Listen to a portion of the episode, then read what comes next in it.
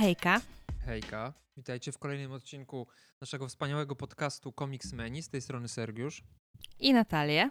I dzisiaj trzecia i ostatnia część naszego, znaczy tak naprawdę nie trzecia, było więcej części tego cyklu, ale y, trzecia z rzędu i ostatnia część. Trzecia z rzędu, y, tak. 60. urodzin y, komiksowych postaci, drużyn.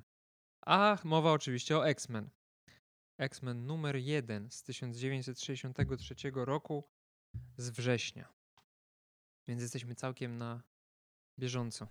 Ja od razu mówię, że ja, e, ja rzucanie pol polskimi lub zagranicznymi nazwami i akcentami traktuję mocno wybiórczo i na przykład mówię Magnito, nie Magneto, ale nie mówię X-Men, tylko mówię X-Men.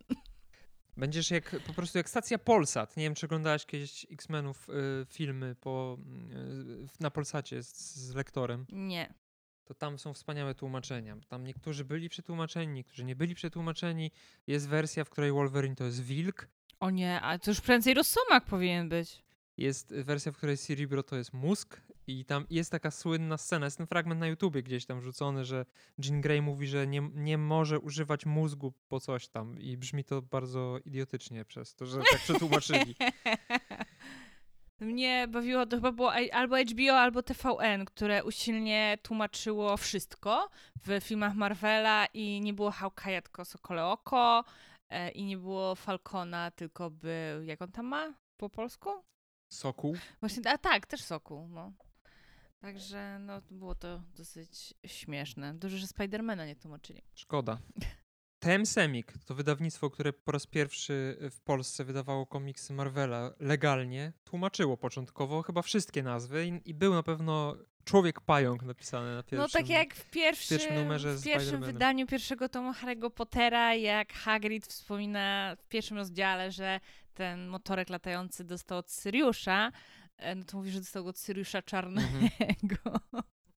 Tak, tak, pamiętam to. Więc dzisiaj będzie podobnie no jak... ja dzisiaj będę ja dzisiaj będę nawiązywać do Pottera, bo tak jak od razu mi, nasunęły mi się skojarzenia z Potterem, jak czytałam ten komiks. Nie pomyślałem, ale to w sumie oczywiste. No bardzo oczywiste. E, no dobra, to co, chyba przechodzimy.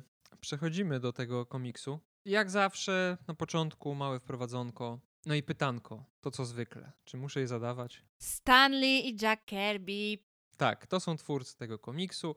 Oczywiście ciężko spowiedzieć, kto do końca, jaki wkład miał w którą postać, w który wątek fabularny i tak dalej, ale taka najbardziej powszechna historia mówi o tym, że Stanley yy, stwierdził, że ma dosyć wymyślania ciągle nowych genez postaci, no bo tych postaci już trochę przez te dwa lata na wymyślał, więc doszedł do wniosku, że można wymyślić taką genezę, która jest uniwersalna dla dużej grupy postaci, i te postacie po prostu będą się rodzić ze swoimi supermocami. A że wtedy popularne były te wszystkie historie o radioaktywności, y, cały strach przed, y, no nawet w Fantastycznej Czwórce było to widać, nie? Tam promienie kosmiczne, nauka, która się w zastraszającym tempie rozwijała i nie, nie do końca było wiadomo, jakie negatywne skutki może przynieść. Więc stwierdził, że mutanci to będzie to, E, co będzie tłumaczyć po prostu genezę tych bohaterów akurat z tego nowego, z tej nowej serii. Właśnie miałam zapytać, e, bo jak czytałam ten komiks, no to bardzo mi się rzucił w oczy moment, w którym e, Charles Xavier mówi, że jego rodzice pracowali nad bombą atomową. Tak. No i on tak to wplótł mimochodem w tłumaczenie w ogóle mutantów i, i tej ich szkoły. I mnie zastanawiał, czy to jest później faktycznie wytłumaczone, że ta jego mutacja była spowodowana tym, że jego rodziców no jednak gdzieś tam napromieniowało, tak, kiedy pracowali przy bombie atomowej i czy w ogóle to później jest gdzieś tam łączone z projektem Manhattan, Hiroshima, Nagasaki, tym postępem nuklearnym i tak dalej? Czy to tak po prostu sobie zostało wrzucone, no bo były takie czasy? Znaczy, tu się pojawiają dwa problemy. Na, początku faktycznie było tak, że rzeczywiście Stanley miał taki pomysł, że mutanci wzięli się z, przez promieniowanie radioaktywne. To jest spoko pomysł. Yy, ale z czasem porzucono ten pomysł, mimo tego, że do X-Men przylgnęła taka nazwa Children of Atom. Stwierdzono, że jednak e, wytłumaczenie tego ewolucją jest bardziej sensowne niż e, robienie z mutantów takich prawdziwych, oklepanych mutantów, takich jak zazwyczaj właśnie w tych wszystkich filmach z lat 50., gdzie nauka y, łączyła się z horrorem i były przykład zmutowane mrówki, które rosły do monstrualnych rozmiarów. Chyba stwierdzono, że to nie jest y, dobry trop i dodano bardziej takie biologiczne wytłumaczenie genezy X-Men, ale rzeczywiście początkowo przez pierwsze kilkanaście numerów gdzieś tam to się jeszcze pojawiało, że, że jakby mutanci pochodzą właśnie od promieniowania radioaktywnego i też chyba z tego co pamiętam to Bista mutację tak tłumaczono, że jego ojciec też chyba właśnie brał udział w jakichś takich eksperymentach. Ale tu jest problem historyczny trochę. No bo jeżeli ojciec profesora X pracował nad bombą atomową, czyli przy projekcie Manhattan, to w takim razie ile lat ma profesor X w 1963 tak, roku? Dokładnie. To jest bez to sensu. Też, tak, to też byłby spory bezsens. Co mieliby to tłumaczyć tym, że rodzice przynieśli do domu to napromieniowanie i na dziecko to bardziej zadziałało, no to jest bez sensu. Chociaż no okej, okay, wiemy, że e, członkowie e, projektu Manhattan zamieszkali w Los Alamos normalnie z rodzinami. Więc to gdzieś tam można byłoby na siłę podciągnąć, ale to mocno na siłę i to wciąż byłoby na zasadzie, że to nie jest tak, że on się z tym urodził. No właśnie, więc no, później tego starano się raczej odchodzić i w końcu wymyślono, teraz w sumie chciałem o tym wspomnieć w trakcie omawiania komiksu, ale powiem o tym od razu. Oficjalnie teraz jakby w świadomości fanów X-Men, no i filmów w sumie o X-Men też, nie tylko komiksowych X-Men, jest to wytłumaczenie, że po prostu tak działa ewolucja człowieka, że mutanci są jakby podgatunkiem mhm. człowieka, to jest naturalny proces ewolucyjny i mimo tego, że profesor X w tym numerze mówi, że jest jednym z pierwszych mutantów, czy mówi, że jest pierwszym mutantem, to oczywiście z czasem tak, się że okazało, prawdopodobnie że, pierwszym. Tak, z czasem się okazało, że wcale pierwszym mutantem nie jest i są mutanci na Ziemi od wielu, wielu lat. Zresztą wspominaliśmy o tym, że mutantem pierwszym Marvela takim chronologicznie z naszego punktu widzenia jest Neymar przecież, nie? Więc zapomniał się Stan Lee, mimo tego, że tak. chyba wtedy Neymar już został ponownie wprowadzony do świata Marvela, więc tym bardziej mógł o tym pamiętać. Co, jak się tworzy tyle postaci komiksu, to tam można czasem sobie coś zapomnieć. Też prawda. Tym bardziej, że nie oszukujmy się, to nie był case Kevina Feige'ego, który jakby próbował od samego początku jednak stworzyć coś na kształt uniwersum, które będzie trwało latami, tylko raczej mam wrażenie, że Stan Lee no tak, po robił... prostu sobie Tak, nie, nie mając większego... grzybki po deszczu i jakoś to będzie. Tak, nie miał większego zamysłu nad tym, jak to ma w przyszłości wyglądać. Wracając do, tego, do tej genezy w naszym świecie, Kirby z kolei tłumaczył w jednym z wywiadów, że dlatego mutanci są w szkole, no bo dla niego naturalnym, w sensie X-Men, naturalną koleją rzeczy było to, że skoro to są bohaterowie z nadludzkimi mocami, którzy się z nimi rodzą, no to potrzebują jakiegoś mentora, który będzie ich uczył korzystać z tych mocy. I dlatego wpadł na pomysł stworzenia profesora X i szkoły dla mutantów. No bo jakby Spider-Man został ugryziony będąc już nastolatkiem. Thor odkrył to, że jest Torem jako dorosły facet. Iron Man został Iron Manem jako dorosły koleś. Bruce Banner to samo. Więc wszyscy poprzedni superbohaterowie byli już dojrzali, jakby żyli sobie normalnie i w pewnym momencie ich życia przydarzyło się coś, co spowodowało, że dostali moce. A X-Men urodzili się z tymi mocami, więc naturalne było to e, dla Kerbiego, że potrzebowali kogoś, kto ich pokieruje. Później oczywiście dodano opcję, że większość, zdecydowana większość supermocy mutantów aktywuje się w okresie dojrzewania, nie w okresie dziecięcym wcale, mm, tak jak chyba początkowo o tym myślał Kirby. No i to też jest interesujące, że początkowo ta seria miała się nazywać po prostu The Mutants, ale Martin Goodman, który był wydawcą Marvela, stwierdził, że e, ta nazwa, to jest w ogóle zabawne, ta nazwa nic nie mówi czytelnikom, ponieważ słowo mutant nie było tak powszechnie znane jak teraz. E, więc Lee wymyślił X-Men, żeby było bardziej tajemniczo i w sumie to też później będzie w komiksie. Jest chwytliwe. To prawda, ale później będzie w komiksie wytłumaczone. Tak, to właśnie. Skąd się wzięła ta nazwa? Jest tak, to idiotyczne skąd się, skąd się wzięła ta nazwa? Bo ja nie, nie, nie wiem, czy to w ogóle padło w filmach, ale chyba padło. Padło, padło. Ja byłam zawsze przekonana, że to jest po prostu o. Tak, to jest w którymś filmie. X od, od Xavier. Mm, że mamy profesora X, więc mamy X-Menów, a tutaj są, mają ekstra, ekstra moce, tak? Coś tak, stylu, od ekstra. Od ekstra to tak, X. To było tak naciągane. No tym bardziej, że tak jak mówisz, jego y, nazwisko zaczyna się na literę X, więc to jest oczywiste, że to od niego powinno być, powinna być ta nazwa, plus później dodano właśnie ten gen X, który jest genem wyróżniającym mutantów od zwykłych ludzi wszyscy posiadacze genu X są mutantami. W ogóle w tych filmach, w tych filmach tych nowych, e, no.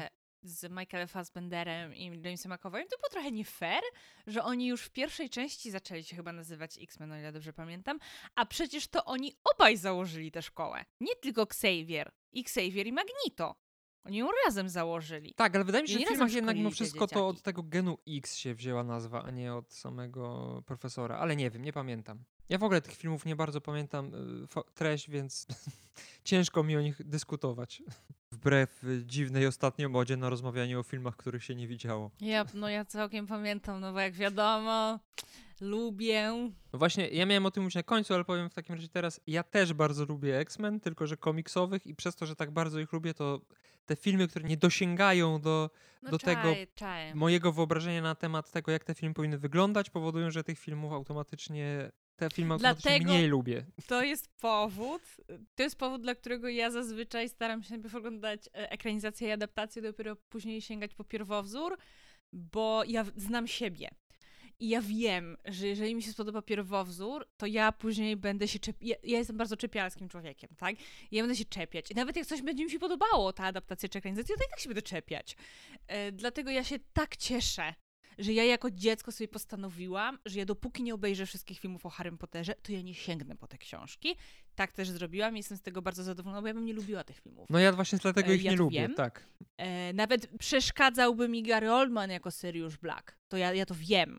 A tak przez to, że e, ja najpierw poznałam tego Oldmanowego Siriusza, dopiero później tego książkowego, to po prostu w moim sercu jest miejsce dla kilku wariantów Siriusza. Zresztą ja ostatnio trafiłam, nie wiem jakim cudem, dopiero ostatnio na TikToku, chwała Bogu za TikToka, trafiłam właśnie na tam fajne takie materiały zakulisowe, gdzie się właśnie wypowiadał Gary Oldman i on tam właśnie powiedział, że on wie, że e, ludzie kochają te książki, że ludzie kochają tę postać i że to no, jest i trochę inna wersja, że on jest trochę za stary do tego Syriusza i tak dalej. Powiedział, że e, jak on to ładnie nam ujął, że ja wiem, że ja nie będę e, takim Syriuszem, jakiego wszyscy sobie wyobrażali i to jest okej, ja mam tylko po prostu nadzieję, że nikogo nie zawiodę. Mhm. No i, i okej, faktycznie u mnie to mniej więcej tak zadziałało, tylko tak jakby odwrotnie, bo ja najpierw jego poznałam, dopiero później tego książkowego, ale no ja ich rozróżniam na tego książkowego, tego mojego Syriusza i tego Oldmanowego Syriusza. Obu kocham i obu kocham na swój sposób. I w sumie to faj- okej, fajnie, że mamy dwóch różnych, tak? Chociaż no nie obraziłabym się, gdyby w tym serialu o Potterze był taki bardziej book accurate. Mhm. Z Grą Tron to samo. Ja wiem, że ja będę. Ja wiem, jak książkowcy nie znoszą tego serialu. Ja wiem, że ja by, też bym go nie znosiła. Pierwsze sezony jeszcze całkiem bym lubiła, później już dramat. Nie, żebym lubiła to dwa ostatnie sezony, ale whatever. No i dla mnie, dla mnie właśnie Ród Smoka był takim sporym wyzwaniem, bo to była pierwsza sytuacja, kiedy. Znaczy, to nie był pierwszy raz, kiedy faktycznie powstała da- adaptacja czy ekranizacja książki, którą wcześniej przeczytałam. Tylko, że takiej, którą ja faktycznie kochałam, którą ja się jarałam, zachwycałam, którą ja rozkładałam na czynniki pierwsze, analizowałam od każdej możliwej strony i ja się tak bałam tego serialu.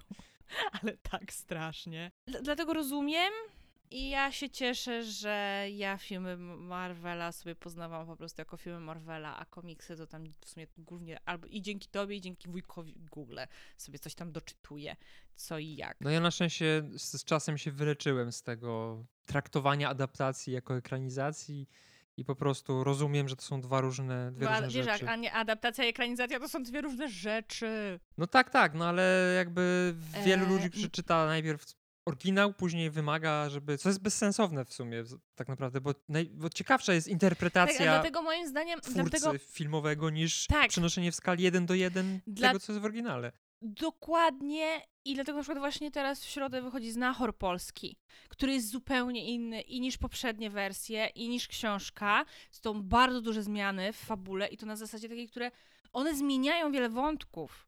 I zmieniają trochę, może nie cały wydźwięk filmu, bo ta, ta, ta historia ma dokładnie ten sam wydźwięk co zawsze, ale niektóre postacie mają zupełnie, zupełnie inaczej wybrzmiewają.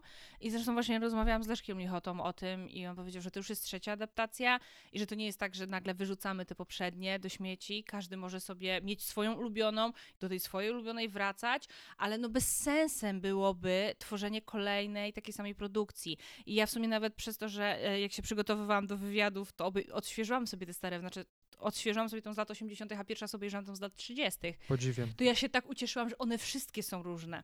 Bo tam w- i ta w latach, z lat 80. też się różniła i od tej z lat 30. i od książki. I ja się tak cieszyłam, że, to, że nie musiałam w ciągu dwóch dni obejrzeć dokładnie trzech takich samych filmów, tylko z innymi aktorami. tylko za każdym razem to była ta sama historia, ale w innym wydaniu. E, I to jest fajne, bo po co kręcić drugi raz to samo? Tak samo po co przenosić jeden do jednego książkę czy komiks na ekran, zwłaszcza, że to są różne media i to, to nie zadziała zawsze, a pra, w zasadzie prawie nigdy by nie zadziałało z przeniesieniem jeden do jednego. Na po drugie, po co? Znaczy, to jest fajne, jak ktoś ci pokazuje swoją interpretację i okej, można się czepiać, że pewne zmiany twoim zdaniem nie, może nie mają sensu, albo są zmianami ogólnie na gorsze, tak, że ta historia na tym traci, czy coś w tym stylu, tak jak ja się czepiam niektórych rzeczy w Rodzie Smoka, bo niektóre decyzje showrunnera uważam za, okej, szanuję, bo to są jego decyzje, to jest jego interpretacja, ale no, no moim zdaniem są głupie na przykład, tak, ale ja się czepiam za sam fakt, że moim zdaniem ta jego wersja jest słabsza niż ta książkowa, ale nie czepiam się o to, że on w ogóle miał czelność to zmienić, bo to nie o to chodzi. Także i poza tym ile powstało już produkcji, gdzie mieliśmy właśnie jakąś nawet bardzo luźną interpretację czegoś i wyszło to super. że Nie no, jasne, kurna, że tak. e, Cruel Intentions, film z Reese Witherspoon, jest zajebistym filmem. Jest w, w pewnych kręgach kultowym. No, to nie jest film kultowy jak, nie wiem, Gwiezdne Wojny, tak? No ale jest, no zapisał się w zbiorowej świadomości i zapisał się pozytywnie, a no, on od pierwowzoru odbiega bardzo. To jest w zasadzie, wzięli po prostu sobie imiona postaci i sobie nakręcili. No to pamiętniki wampirów też. Książki są w ogóle o wiele gorsze niż serial. I są praktycznie zupełnie inne. I jedno i drugie jest fajne. I masz dwie wersje rzeczy, którą lubisz. No to jest super. Tak samo, nie wiem, właśnie Aemond w Rodzie Smoka, który jest zu- praktycznie zupełnie inną postacią. Zgadzają się główne wydarzenia z jego życia, ale nawet kontekst tych wydarzeń się, się nie zgadza. Nie zgadza się jego charakter i tak dalej. I ja uwielbiam i książkowego, i serialowego Aemonda. Mam dwie wersje postaci, którą lubię. How cool is that? To prawda, ale też trzeba pamiętać, No. że te interpretacje czasami mogą być yy, nietrafione. W sensie Tak! lubisz coś za coś, niekoniecznie za fabułę, niekoniecznie za historię, tylko za jakąś taką nie do końca uchwyconą cechę i tej cechy nie ma w tej e, Tak, ja adaptacji mam- i to ci, ja to do- cię mierdzi. I Słuchaj, ja właśnie mam tak ja z mam y, to, ja mam? A ja mam to z Rodem Smoka, tak? Nie wiem, ja widziałam w postaci Egona tak olbrzymi potencjał. Dla mnie to jest jedna z najlepszych postaci, jakie napisał Martin. Tymczasem Kondal, no, czyli showrunner Rodu Smoka, ja nie wierzę, że on nie widział tego potencjału, raczej po prostu postanowił go zignorować. I no, dał nam jednowymiarową, w sumie to taką poboczną postać wzbudzającą wyłącznie negatywne emocje. Więc no ja mam ból tyłka o zmarnowany potencjał, no ale cóż, no to jest jego interpretacja, tak? Wiem, postać Alicent i w ogóle całe Stronnictwo Zielonych zostały zupełnie inaczej przedstawione, przez co ta sama historia zupełnie inaczej wybrzmiewa. A ja lubiłam właśnie Stronnictwo Zielonych przede wszystkim za te cechy, których w serialu zabrakło. Także no ja lubię ten serial. On fajnie działa jako adaptacja moim zdaniem, bo on tak fajnie sobie koresponduje z tą książką, ale teraz no to jakby nie o tym, mogłabym się o, o tym rozwodzić długimi godzinami, ale no rozmawiamy o X-Menach, a nie o Rodzie Smoka. No, ale Tak. e, ogólnie rzecz biorąc, szanuję ten serial, bardzo go lubię, ale traktuję go po prostu jako alternatywną wersję wydarzeń. I no, showrunner nie miał obowiązku zekranizować jeden do jednego mojej interpretacji, bo to jest moja interpretacja tej opowieści. Ale wracając do X-Menów, Tak, wracając do X-Menów, to jeszcze tylko dodam, że y, być może to już mówiłem, nie pamiętam. Dzięki X-Men ja w ogóle wróciłem do komiksów, bo miałem dość długą przerwę y, od dzieciństwa do powiedzmy między gimnazjum a liceum. Tak mniej więcej znowu wtedy zacząłem czytać komiksy. I to właśnie dzięki X-Men, a konkretnie dzięki Ultimate X-Men, czyli tej wersji takiej powiedzmy zrestartowanej. Stwierdziłem, że po przeczytaniu te, te, tych komiksów stwierdziłem, że dobra, kurwa, wracam do tego, co porzuciłem lata temu i teraz wchodzę w ten świat na 100%, więc z tego też powodu dla mnie X-Men są bardzo ważni. X-Men i Spider-Man to są e, takie serie, które są dla mnie chyba naj, moimi ul, najbardziej ulubionymi, ciągłymi, dużymi seriami Marvela, więc jeszcze tak, tak chcę się wytłumaczyć z tego swojego narzekania na filmy X-Men. Nie wiem, czy A- to ma sens, ale... ma bardzo duży, to bo masz E. przywiązanie emocjonalne, po prostu. Tak. No ja jestem ciekawa, jak ja będę reagowała na nowego Pottera, ze względu na to, że tak jak ja zawsze powtarzam, że Titanic jest filmem, dzięki któremu ja pokochałam kino, bo tak jest, bo on mi pokazał, jakie emocje mogą się wiąza- związać z kinem, jakie ono może być epickie, cudowne i tak dalej. Ale to Harry Potter sprawił, że ja tak faktycznie zaczęłam się jarać filmami i zaczęłam je oglądać nałogowo, bo pokazał mi, jak cudowny potrafi być eskapizm, że ja po prostu miałam problem, więc uciekałam do Hogwartu. I od razu tak było mi lżej. Także no ja też mam bardzo duży sentyment do tej serii. I ja do serialu, do nowej wersji jestem nastawiona pozytywnie, chociaż uważam, że no nie potrzebujemy nowego Harry'ego Pottera, ale no cóż, powstaje. Także nie będę wieszać psów na nich teraz i nie będę się właśnie czepiać o jakieś różne zmiany. Podchodzę właśnie z otwartą głową i w sumie mam nadzieję, że będą te zmiany. Tak, ale no zobaczymy, e, jak wyjdzie w praniu. A wracając do X-Men.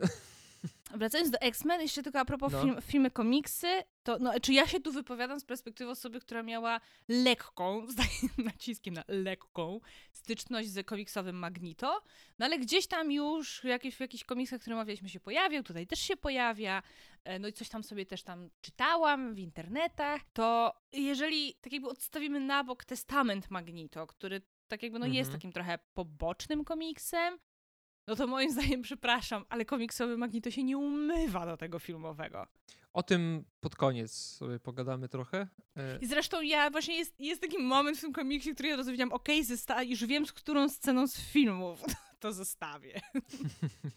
na wejściu chcę tylko dopytać na wejściu, tak gadam już pół godziny, ale już przechodzimy w końcu do tego komiksu. To był debiut X-Men, ale czy to był debiut Magneto? W sensie on Tak. się tu po raz pierwszy Tak. pojawia, czy on się pojawił To- już wcześniej? O, To jest jego Dobra. debiut, to jest bo bardzo tak, tak wiele ja odniosłam wrażenie, ale wolałam się upewnić. Bardzo wiele debiutów różnych postaci, które są ważne do tej pory. Y, Ale dobrze o tym Magneto mówisz, bo w sumie y, to jest ciekawe, że mimo tego, że ty tego nie widziałaś, ja w sumie czytając pierwszy raz ten komiks y, i inne stare komiksy z X-Men, też tego wcale nie widziałem i dla mnie ten Magneto y, z tych lat 60., 70. zu- jest zupełnie inną postacią niż ten Magneto, którego wszyscy znają i lubią. No, Ale mimo to i Lee i Kirby twierdzili, że ich Magneto to nie jest taki typowy super złoczyńca, ponieważ w przeciwieństwie do innych pokroju Duma albo na przykład, nie wiem, Barona Mordo, on chciał ukarać ludzkość za dyskryminowanie mniejszości, a nie tylko był żądny władzy dla samej władzy. Więc to miało go niby odróżniać, ale To fakt, to gdzieś, to gdzieś tutaj wybrzmiewa w tym komiksie, ale wydaje mi się, że ja to też patrzyłam już, e, ja już patrzyłam na to przez pryzmat całego tego Mhm. bagażu późniejszego tak. Magneto, który on nagromadził przez lata i myślę, że ja mogłabym tego nie, tak nie odczytać kompletnie, gdybym to była właśnie moja totalnie pierwsza styczność z tą postacią, gdybym ja nie wiedziała, że on jest e, ofiarą Holokaustu. No tak. No i, ale to też jest ciekawe, bo można by powiedzieć, że tak oni sobie powiedzieli z perspektywy czasu, kiedy ten Magneto rzeczywiście taką postacią się stał, ale, znaczy to też oczywiście mógł sobie po, po czasie po, dopowiedzieć Lee, ale podo, podobno Stan Lee twierdził, że jak wymyślał Magneto, to początkowo Magneto miał być bratem profesora X. E, to co oczywiście później przerodziło się w relację przyjacielską, ale to jest też interesujące, bo można właśnie tak jak, tak jak mówię, nie? Że, że może on tak lubił sobie, wiesz, dopowiadać pewne rzeczy, budować swoją e, legendę i przypisywać sobie różne zasługi innych ludzi, no bo dopiero Magneto w latach 80. stał się tym takim zajebistym Magneto, nie jednowymiarowym, e, który jest antybohaterem w sumie, bardziej niż złoczyńcą. Ale ten wątek brata profesora X, który jest złoczyńcą, przeciwnikiem X-Men, do tego ma hełm, pojawił się faktycznie w latach 60., bo Juggernaut to jest pro- brat profesora X. O Boże, faktycznie! Więc rzeczywiście taki pomysł gdzieś tam on w głowie miał i to nie jest do końca wcale. No bo mi- mimo wszystko, no, Stanley jest problematyczną postacią. Ciężko, ciężko jest zweryfikować, co. No jest co bardzo. Czy te jego historie są do końca prawdziwe, czy on sobie przypisuje zasługi ludzi, którzy już na przykład nie żyją, nie? No ale tutaj akurat wydaje mi się, że, że to nie jest wymyślone po czasie, tylko rzeczywiście był taki plan i rzeczywiście oboje, pracując nad tym Magneto, chcieli zrobić z niego trochę bardziej złożonego złoczyńcę, ale Ale jeszcze a propos tego, że no był bardziej, był innym złoczyńcą niż tam Doktor Doom, no bo jednak e, jemu chodziło o prawa mniejszości. Z samego tego debiutu to nie wynika. Nie. Bo tutaj, okej, rzuca w pewnym momencie Charles Xavier taki tekst, że ludzie mogliby ich nie zaakceptować, gdyby się dowiedzieli o ich istnieniu i stąd jest ta szkoła, żeby oni mieli azyl, ale to jest na zasadzie mogliby, to jest gdybanie. Nie mamy ani jednej postawy ludzi w tym komiksie, która by w jakikolwiek sposób wskazywała na to, że oni w jakikolwiek sposób dyskryminowaliby mutantów, bo to raczej właśnie tutaj wygląda na to, że oni nie mieli pojęcia o ich istnieniu, oni byli wielce zdziwieni. Kiedy najpierw pojawił się Magneto, później pojawili się y, X-Meni i ich, po, ich reakcja na pojawienie się X-Menów raczej sugerowała to, że mm, okej, okay, nie będziemy zadawać zbędnych pytań, yy, jesteście jacyś tam sobie ulepszeni, to sobie tam walczcie z tym kolesiem, a później jeszcze im e, podziękowano i tam ten dowódca tej jednostki powiedział, że tutaj zawsze będziecie czczeni, coś w tym stylu, tak?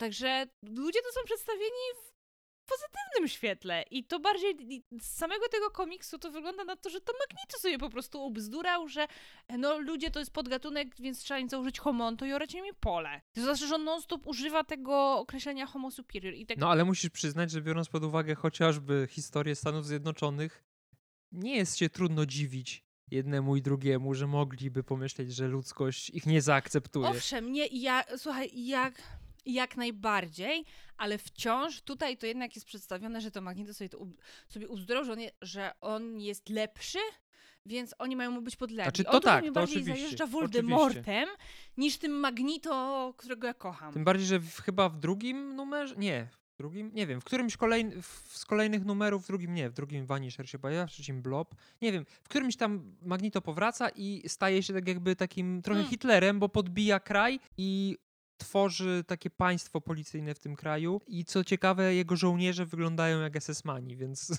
czy tam Wehrmacht, więc... Y, Ej, to jest zabawne, że później postanowiono zrobić z niego ocalałego z Holokaustu. Myślę, że z tego powodu właśnie. A Vanisher to jest ten, co go, co go Brad Pitt grał, prawda? W Deadpoolu 2. Tak, ale Vanisher w komiksach jest trochę inną, znaczy trochę, ciężko powiedzieć jaką postacią jest w Deadpoolu, ale to jest inna postać w ogóle.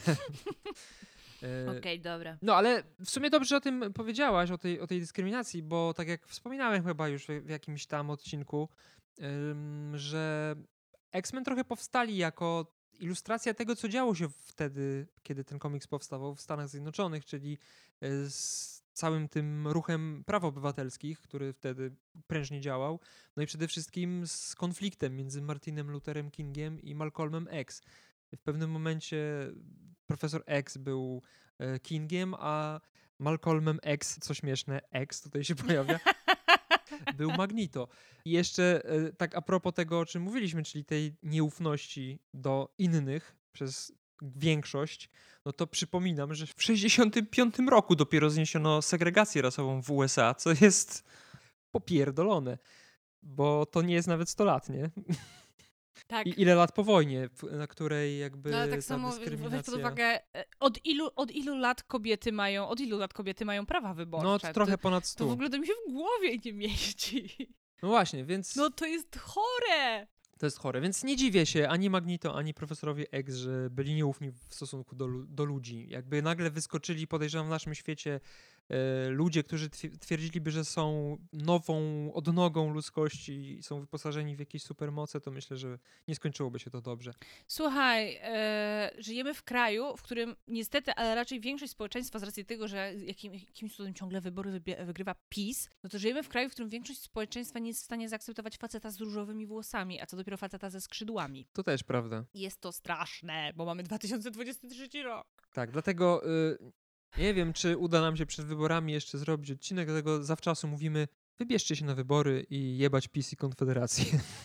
Dokładnie. A już teraz już zwłaszcza Konfederację, bo to, co odstawił ostatnio Korwin tak. z tym patriarchatem, Boże, aż się we mnie... O nie, dobra, ale nie, wróćmy do X-Menów. Koniec polityki, koniec polityki. No, ten komiks będzie bardzo polityczny. Przy tej charakteryzacji na istniejące, w sensie charakteryzacji postaci na istniejące postacie w realnym świecie, to, to jest ciekawostka. Profesor X to jest kolejna postać, która była wzorowana na prawdziwym aktorze, a tym aktorem był e, Jul Breiner. Taki łysy pan, który często wcielał się w różne egzotyczne postacie ze względu na swoją mm, urodę charakterystyczną. Więc te dziwne brwi i ta łysina to nie wzięła się przypa z, z, przypadku. Ale o, jeszcze jedna ważna kwestia, właśnie teraz y, może nie polityczna, bardziej y, taka związana z prawem autorskim. Kilka miesięcy przed debiutem X-Men pojawił się inny komiks, który nazywał się Doom Patrol. I co ciekawe, był to komiks o grupie wyrzutków, którym dowodził y, pan na wózku inwalidzkim i był ich mentorem.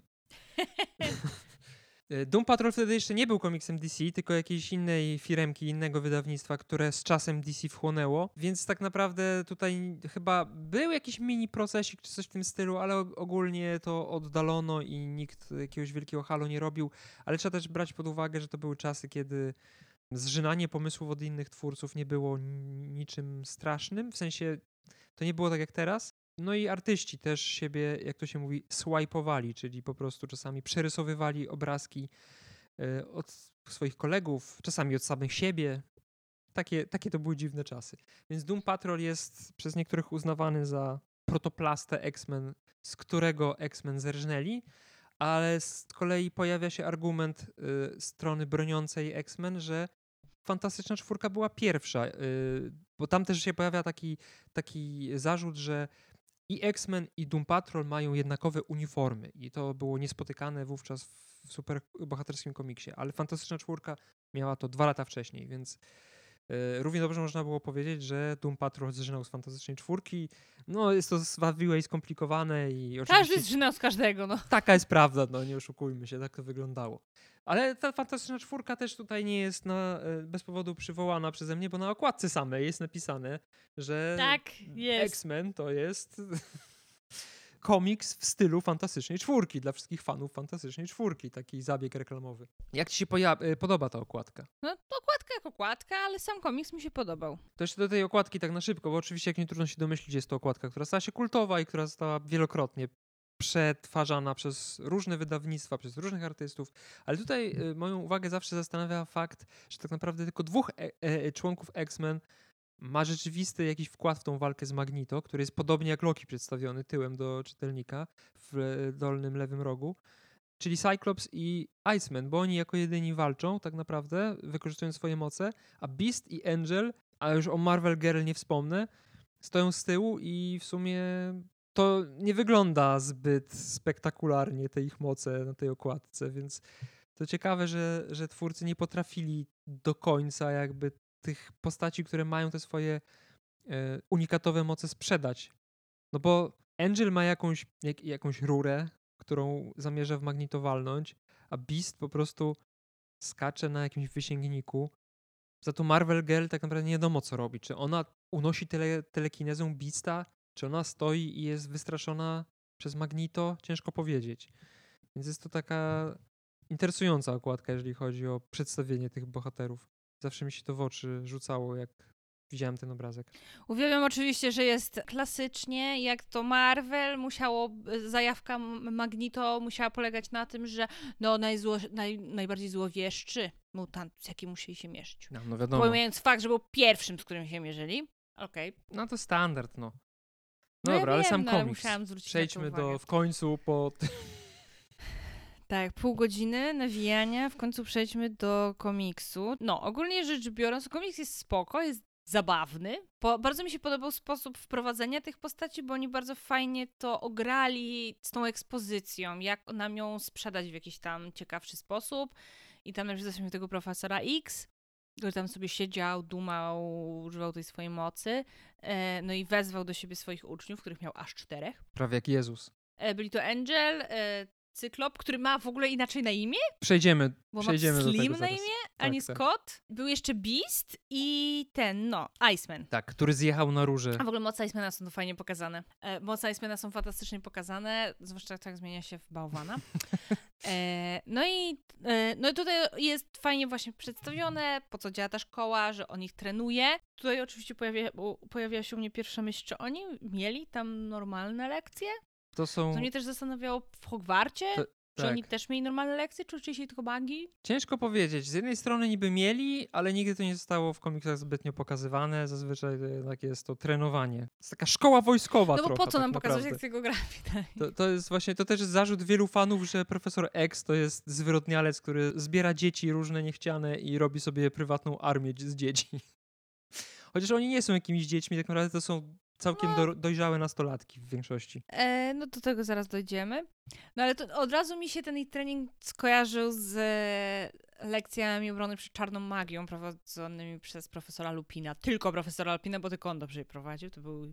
W ogóle to mnie też, w Harry Potterze mnie to zawsze bawi, że e, Dumbledore wiedział, że nad e, tym przedmiotem ciąży klątwa, tak?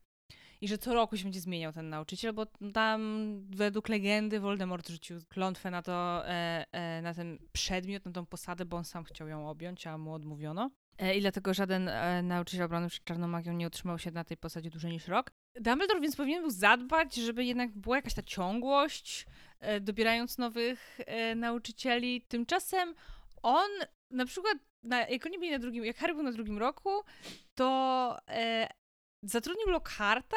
Doskonale, przecież on doskonale wiedział, że Lockhart jest podrabiańcem.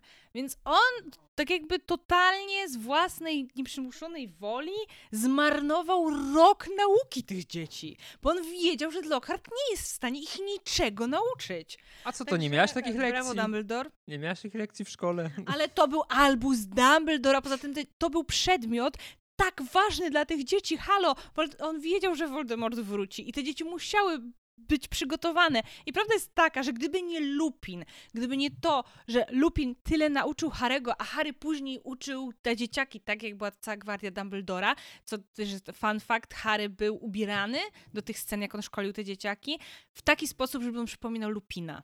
W Ciekawe. sensie tam e, sweter luźny i tak dalej, żeby pokazać, że on tutaj faktycznie się inspirował bardzo Lupinem. Poczekaj, mi Riko przeszkadza. No, ale wracając, no i tutaj jest cały ten trening pokazany i jest to właśnie dokładnie pokazane, że mm, no nie uczył ich tych, dzieci, tych dzieciaków dla samego faktu uczenia ich tak, żeby tam umieli ogarniać te swoje moce, tylko myślę, że potrafili je wykorzystywać e, w walce. Tak, on Tak. z założenia wiedział, że przyjdzie im walczyć to nie tylko z ludźmi, tak, tylko też ze złymi mutantami. No i te treningi to potrafią być takie ostre. I automatycznie jak zaczął się trening, to potrafili... Bardzo ostre. tak, to potrafili fajnie pokazać właśnie, jakie moce mie- e, mieli ci nastolatkowie. Tak, to akurat jest to, czego na okładce się nie udało zrobić Tak. do końca. E, fajne jest to, że oni są faktycznie nastolatkami, to jest widać, że to są nastolatkowie, że mają głupie pomysły, że ten tekst, to był chyba Ice, e, Icemana tekst, no dosłownie tak jakby cała ja z gimnazjum, E, moja mówiła, że jestem okropną córką. Tak, myślisz, że ja jestem okropną córką? Ja ci dopiero mogę pokazać, jaką mogę być okropną córką. I tutaj mniej więcej coś takiego, co, co, coś takiego było. To ich, to ich zajaranie, tak, e, że o, nowa dziewczyna w szkole. Poczekaj, poczekaj, bo, bo, bo jeszcze chcę jednej rzeczy wspomnieć. Y, Mundurki szkolne, to też jest ważne w przypadku X-Men. Przez długi dość czas mieli jednakowe uniformy, które z czasem wracały. Na przykład, kiedy pojawili się y, New Mutants, czyli kolejne pokolenie y, uczniów profesora X, to te bardzo podobne kostiumy powróciły. Więc to też jest y, interesująca sprawa, mimo tego, że tak naprawdę X-Men to jest drużyna w takiej ogólnej świadomości słynąca z tego, że każdy z jej członków wygląda zupełnie inaczej. To się pojawiło też w tej serii po jakimś czasie. Doszli twórcy chyba do wniosku, że warto jednak trochę zdywersyfikować te stroje, żeby ci bohaterowie byli bardziej łatwiejsi do rozróżnienia w trakcie walki, no bo czasami Cyclops i e, Angel, kiedy skrzydeł nie widać, no to ciężko powiedzieć, który jest który. Mhm. Tak, ale też jeszcze charaktery ich, bo to też jest taki trochę boys band. Tak, Nie wiem, czy zwróciłaś na to uwagę. tak. Że każdy przedstawia jakby inny typ charakteru. Tak, a jeszcze a propos aparycji, to zwróciłam uwagę, że oni naprawdę nie wyglądają jak nastolatkowie. To jest trochę case starych seriali dla nastolatek, gdzie 15-latków grali 35-latkowie. I to jest tak widać. Oni są rysowani jak doj- dorośli, dojrzali faceci z takimi wielkimi szczynami. E, No i ta moda. tak, trochę tego nie rozumiem. No i już tak jakby idąc chronolo- chronologią wydarzeń, pojawia się Jean Grey, o chłopcy oczywiście podjarani, o dziewczyna w szkole. I początkowo tych teksty o niej mnie trochę bawiły, po czym zaczęły mnie bardzo irytować. E, to, że Myślałem, że nazwali- tutaj będziesz oburzona na, na te na seksistowskie seksizm- Tak, że, to, że oni ją nazywali Prawie jak robotników na budowie. To, że oni ją nazywali laleczką, nawet jak ona już walczyła razem z nimi, było mega słabe. W ogóle jest, jedna, e, jest jeden taki kadr, gdzie ona, bo ona właśnie była tam ubrana jak tam na lata 60. przystało, ładnie uczesana. Jest taka scena, jak ona siedzi i oni wszyscy tak nad nią są, to no, ona mi się od razu skojarzyło z tą kultową sceną z Maleny, gdzie Monika Bellucci siedzi z papierosem i cały tłum facetów z zapalniczkami. To mniej więcej tak wyglądało. Tak, e, to te, też mi się, to, też mi się właśnie to z tym scena. kojarzy. W ogóle mam wrażenie, że wielokrotnie Jack Kirby wykorzystywał jakieś takie kadry filmowe, które miał w pamięci i odtwarzał później. Tylko pytanie, poczekaj, e, bo. No. em, Malena raczej na pewno powstała później. Nie, wiem, wiem, wiem, ale Oczywiście. o to, o to że, że jak patrzysz na te obrazki, to masz w głowie jakieś obrazki, które wcześniej już widziałaś gdzieś. I podejrzewam, że wiele filmów posługuje się jednak pewnymi schematami, yy, które wcześniej gdzieś tam się pojawiały, więc Tak, no ale słuchaj, mi się w sumie to bardziej z nie jakimś jest- filmem z Marilyn Monroe skojarzyło. Dokładnie, po prostu ta scena z Maleny faktycznie tam się zapisała najbardziej, tak? To ona jest ta kultowa, ale oni, no to, nie była pierwsza tego typu scena i no i nie ostatnia. Ale no właśnie denerwowało mnie też z jednej strony, bo jest tutaj seksizm ze strony facetów, ale z drugiej strony sama postać Jean nie jest napisana seksistowsko, bo Tak, to jest taka to jest- silna to jest- babka, To prawda. która kompletnie ona ani się tam nie cieszyła z tej atencji, którą otrzymywała od chłopców, ale też się szczególnie tym nie denerwowała, ona po prostu miała to gdzieś. Jak się zachowała, a mali chłopcy, tak? To mi się akurat podobało. No ale denerwowało mnie to, że ona już im pokazała, jakie ona ma moce i oni byli pod ogromnym wrażeniem jej mocy. A wciąż i tak skupiali się wyłącznie na jej fizjonomii, na tym, że jest ładna i nazwali ją laleczką. No chyba Angel cały czas do niej mówił doll, co mnie tak denerwowało. No ale ona się pojawia i tutaj właśnie profesor Xavier ma doskonałą okazję, żeby nam też wyłuścić całą ideę tej szkoły i właśnie e, mutantów i tak dalej, i tak dalej, że, że to też jest e, sekretna szkoła, że ona e, jak dostała e, list, list Songwartu, to nie mogła powiedzieć nikomu poza, rodzi- poza swoimi rodzicami. No i no, on tam jej właśnie tłumaczy, że istnieją też źli mutanci, którzy no nie, Znaczy, że nie podejrzewa, wierzą, że istnieje. tak, bo e, dokładnie, bo ja na początku tak nie, nie zajarzyłam, że on tu mówi, że on to podejrzewa, tylko no to już przedstawił jako fakt, po czym jak się objawia Magnito, to on tak, o, pierwszy z tych złych mutantów się objawił, tak, wcześniej twierdzili, że oni istnieją.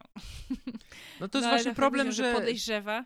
Ten pierwszy numer ma wiele takich nieścisłości, które z czasem były retkonowane i to bardzo, bardzo retkonowane. Między innymi znajomość profesora z Jean jest tak naprawdę y, wykracza, wykracza poza ten list. Oni się spotkali kilkukrotnie w- twarzą w twarz. Profesor X znał A tutaj jest, tak jakby to jest Magnito. dokładnie przedstawione, że, oni, się- że oni się widzą po raz pierwszy. No i to jest No wiele takich rzeczy, trudno, które no. później jakby wyjaśniono, rozbudowano i, i czasami zmieniono. To jest gdzieś tam jakieś płótno, na którym oni sobie później domalowywali. Prawda jest taka, tak. że domalowali to lepiej niż było wyjściowo, więc się nie będę jakoś wybitnie czepiać. No i co? No i Ale poczekaj, bo być może są jacyś słuchacze, którzy nie wiedzą, czym są X-Men, bo przespali ostatnie 60 lat w bryle lodu.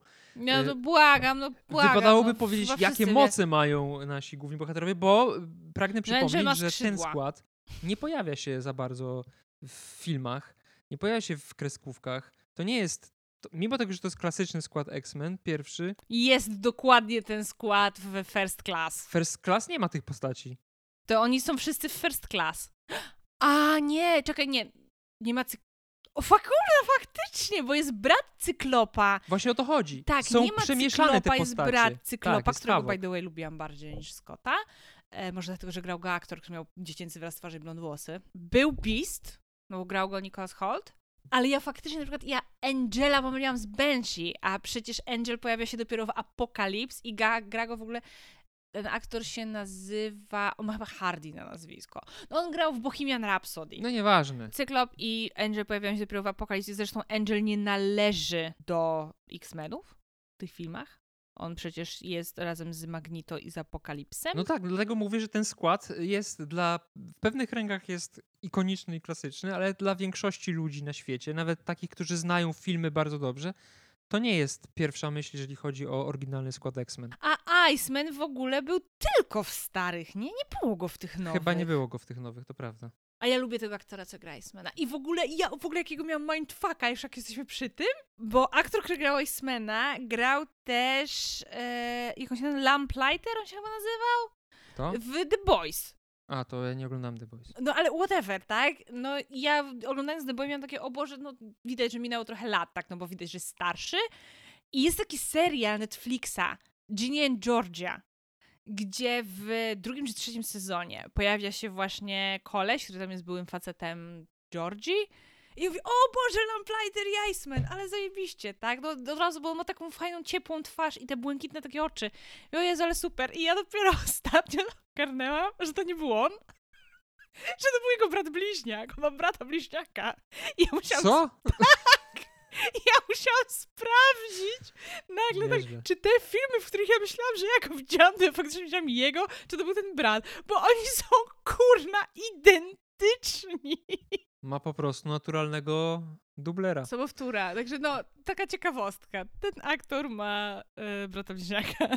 Więc skład X-Men, tych klasycznych X-Men, którzy tak przez kilkadziesiąt numerów funkcjonowali, to jest, y, tak jak wspomniałaś, Slim Summers w tym komiksie, co później zostało wyjaśnione, że z tego ksywka, a tak naprawdę nazywa się Scott Summers, czyli Cyclops, który potrafi z oczu emitować energię. Zawsze mi się podobało to imię i nazwisko, nie Scott wiem dlaczego. Summers? Scott to jest- Summers, jakoś tak trafiało. Może dlatego, że ono jakoś mi bardzo zapadło w pamięć, jak byłam dzieckiem, jak oglądałam tę kreskówkę i dlatego, nie wiem. No i Quebo Fide, jak ma kawałek Avengers, to tam między innymi wymienia Scotta Summersa. Ciekawe. Może to też dlatego. E, znaczy, być może dlatego, że po prostu tutaj jest zastosowana aliteracja, jedyna w tym, w tym komiksie, czyli coś, czego Stanley słynął przy tworzeniu imion i nazwisk postaci. W sensie imię i nazwisko miało tą samą pierwszą literę po to, żeby Stanley łatwiej zapamiętywał postacie, które wymyślił, co i tak mu się nie udało, bo na przykład w jednej z przygód Peter Parker jest nazywany Peterem Palmerem, e, Bruce Banner, przecież słynna historia, kiedy się okazało, że tak naprawdę nazywa się Robert, a nie Bruce, bo stanowili się pojebały imiona, więc y, ta metoda nie zawsze działała, ale bardzo często można to zauważyć nawet w tytułach tych komiksów. Fantastic Four, Invincible Iron Man, więc y, być może z tego powodu, może to po prostu jest chwytliwe dla, dla ucha i dla mózgu. Bardzo możliwe, wiesz? Bardzo Y, możliwe. I tutaj mała ciekawostka, X-Men to chyba była jedyna seria komiksowa w tamtym czasie w, Marvelu, która nazywała się po prostu The X-Men. Nie było żadnego przymiotnika, który określa tą grupę. Tak jak właśnie w przypadku tych innych y, serii, o których wspomniałem. Dopiero po kilkudziesięciu chyba latach dodano y, ten słynny przymiotnik Uncanny X-Men. I żeby było ciekawie, w tym komiksie to Uncanny pod koniec pada i prawdopodobnie stąd właśnie ten przydomek tej drużyny się, narodził. Jest y, Hank McCoy, czyli Beast, który nie wygląda tak jak Nie jest niebieski. typowe wyobrażenia na temat Beasta. Nie jest niebieski. Nie jest niebieski, nie jest futrzasty, nie wygląda jak zwierzę. No jest Jego mocą jest tak naprawdę to... To jest tak że ma- narysowany, że on wygląda jakby był futrzasty trochę. Nie, nie, on ma, on, on ma po prostu obwłosienie na ciele, y, ale jakby tu jest zostało zasugerowane, że on jest jakby taką, takim małpoludem, e, ale nie ma jeszcze tej czysto zwierzęcej formy swojej, Okej, którą dopiero dobra. z czasem zyskał. Więc on, jego mocą jest tak naprawdę to, że jest bardzo zwinny, jest taki małpi, jest jak taki człowiek goryl trochę. I Stan Lee twierdził, że e, Beast i Cyclops to jego ulubieni członkowie X-Men, ponieważ oboje są postaciami tragicznymi, no bo Cyclops nie kontroluje do końca swojej mocy, musi nosić specjalne okulary, które blokują przepływ tej energii. E, A Beast No i jego e, brat miał jeszcze wygląda- większy problem. Przynajmniej w filmach. To prawda, musiał nosić specjalny kostium, żeby móc funkcjonować. Ja byłam tak wściekła, jak oni go w apokalipsy tak szybko zabili. Ja nawet tego nie pamiętam. Myślałem, że w First Class To umarł. jest, ca- nie, to jest cała ta akcja, co jak jest zwolnione tempo i Quicksilver ich wszystkich ratuje ze szkoły, co jest, mi leci e, Sweet Dreams. No to on tam ginie Aha. i jego nie zdążył wyciągnąć, bo on był tuż przy tym wybuchu. Aha. No bo wybuch był z niego! Scenę pamiętam szczegółów nie. E, No i Beast, który jest e, najbardziej jakby się wyróżnia, jakby powiedzmy najbrzydszy z nich wszystkich pod względem takim klasycznego kanonu piękna. E, Jest Bobby Drake, czyli Iceman, który potrafi kontrolować, tutaj nie zostało powiedziane do końca, ale z czasem to wytłu- wytłumaczono naukowo, potrafi kontrolować cząsteczki powietrza wokół siebie, obniżać ich temperaturę i dzięki temu tworzyć lód, śnieg i inne zimne formy ciał stałych i, i ciekłych. No i sam pokrywa się lodem, chociaż w- tym przypadku śniegiem i tak jeszcze było przez kilka kolejnych pierwszych numerów X-Men. I tutaj kolejna ciekawostka. Stanley stwierdził, że Iceman powstał jako kopia Human Torcha, tylko z odwrotnymi mocami. No i jest Warren Worthington III, czyli Angel. No i właśnie, bo każdy z nich ma swoją, swoje cechy charakteru. Scott jest sztywniakiem, poważnym przywódcą grupy. Beast, tutaj to może tego do końca nie widać, ale jest połączeniem brutalnej siły i elokwencji i inteligencji, ponieważ ma, jest ge- genialnym młodym chłopcem, a jednocześnie był gwiazdą futbolu w swojej szkole. Bobby jako 16-letni, najmłodszy z, członko, z członków drużyny jest takim klasowym pajacem, A y, Angel z kolei jest y, playboyem, Cwaniaczkiem. bogaczem, cwaniaczkiem. Bo to tak. jest ten, No i- to jest ten, co nazywa e, Jean e, laleczką. Tak, no i Jean Grey, która, je, która ma pseudonim Marvel Girl, y, który z czasem został porzucony i po prostu, to jest ciekawe, że wszyscy mają pseudonimy, a ona w pewnym momencie po prostu stała się Jean Grey. Tak, właśnie ja się zdziwiłam, jak czytałam ten komiks. Jak Marvel Girl, what? To jest po prostu E, Jean Grey. Która posiada moc telekinezy. Później z czasem dodano również moc telepatii, która tutaj jeszcze się jakby do końca nie uaktywniła. Y, No i właśnie to, o czym mówisz, o czym mówiłaś wcześniej, czyli to, że ona jest chyba pierwszą postacią kobiecą superbohaterską w Marvelu, która potrafi zadbać o siebie, bo jest taka paskudna scena, kiedy Beast ją tak smyra pod, y, po, po policzku i chce pocałować, a Mhm. ona go podnosi za pomocą swojej mocy pod sufit, więc potrafi się sama obronić. Trochę mi też się nie podoba fakt, że tak jak wspominałam, że okej, fajnie, że ona jest taką silną, pewną siebie dziewczyną, ale to jest moim zdaniem, przy, przynajmniej ja odniosłam takie wrażenie, że przedstawiona jakby ona była właśnie taka wyniosła w tym wszystkim. Że tak jakby oni tutaj poszli w drugą stronę, że to też ta jej taka samodzielność i e, to, że ona kompletnie ma gdzieś tych chłopaków i jest przekonana o własnej wartości, to zostało przedstawione trochę jako wada. No, może trochę Mm. po prostu gardzi niedojrzałymi kolegami z klasy. No. Ale nie, no ale no, i z jednej strony tak, z drugiej później ta, jest też ta scena, jak ona przymierza ten strój i ona tam mówi, że no... Podczas której no, podglądają ją, ją koledzy. to oczy, oczywiście, że tak, to jest creepy as fuck. No i ona tam rzuca, że no Dior by... Jest taki angielski zwrot. It will make Dior run for his money, tak? Nie, tego się nie da dosłownie przełożyć na polski. No ale taka spora konkurencja dla Diora. Mniej więcej o to chodzi. No, no a chwilę później właśnie wzywa ich profesor X i tłumaczy, że e, doszło do ataku. Poczekaj, jeszcze zanim, jeszcze jedna, jeszcze jedna dygresyjka. Mówiłaś, że jest creepy as fuck. Ja ci powiem, co jest bardziej creepy as fuck. Oho, już się boję. W jednym z kolejnych numerów wrzucono wątek romantyczny między profesorem X a Jean Grey. A to trochę... On się w niej No nie! zakochał jakby. O nie! Tak, to było kurwa ohydne. I teraz posłuchaj tego, to jest jeszcze gorsze. On sobie, on nigdy tego nie powiedział na głos, to sobie myślał tylko na nią patrząc, ale myślał w taki sposób, że gdybym tylko chodził, na pewno by mnie chciała. O Boże, nie! Jezu, ja... Znaczy, Na szczęście później od tego, do tego już nigdy nie Ale wrócono. w filmach też był. Tylko, że w, filmie to, w filmach to nie było tak creeperskie, no bo w filmach to nagle Mystique była tą laską, za taką fan fatal, tak? I że wszyscy tam za nią. No bo ona niby się przyjaźniła z tym e, Xavierem, ale to tam też miał jakiś tam trochę podtekst, że on się w niej podkochiwał. Tylko, że tutaj oni byli mniej więcej w zbliżonym wieku, tak? Więc to nie było tak creeperskie. No właśnie. A tutaj jest nauczyciel i ja nie wiem, czy to jest kwestia dziewczyna. tego, że Michael Fassbender, ja nie wiem na ile on, ile on tam jest starszy od McAvoya, ale no wygląda na pewno poważnie w ogóle.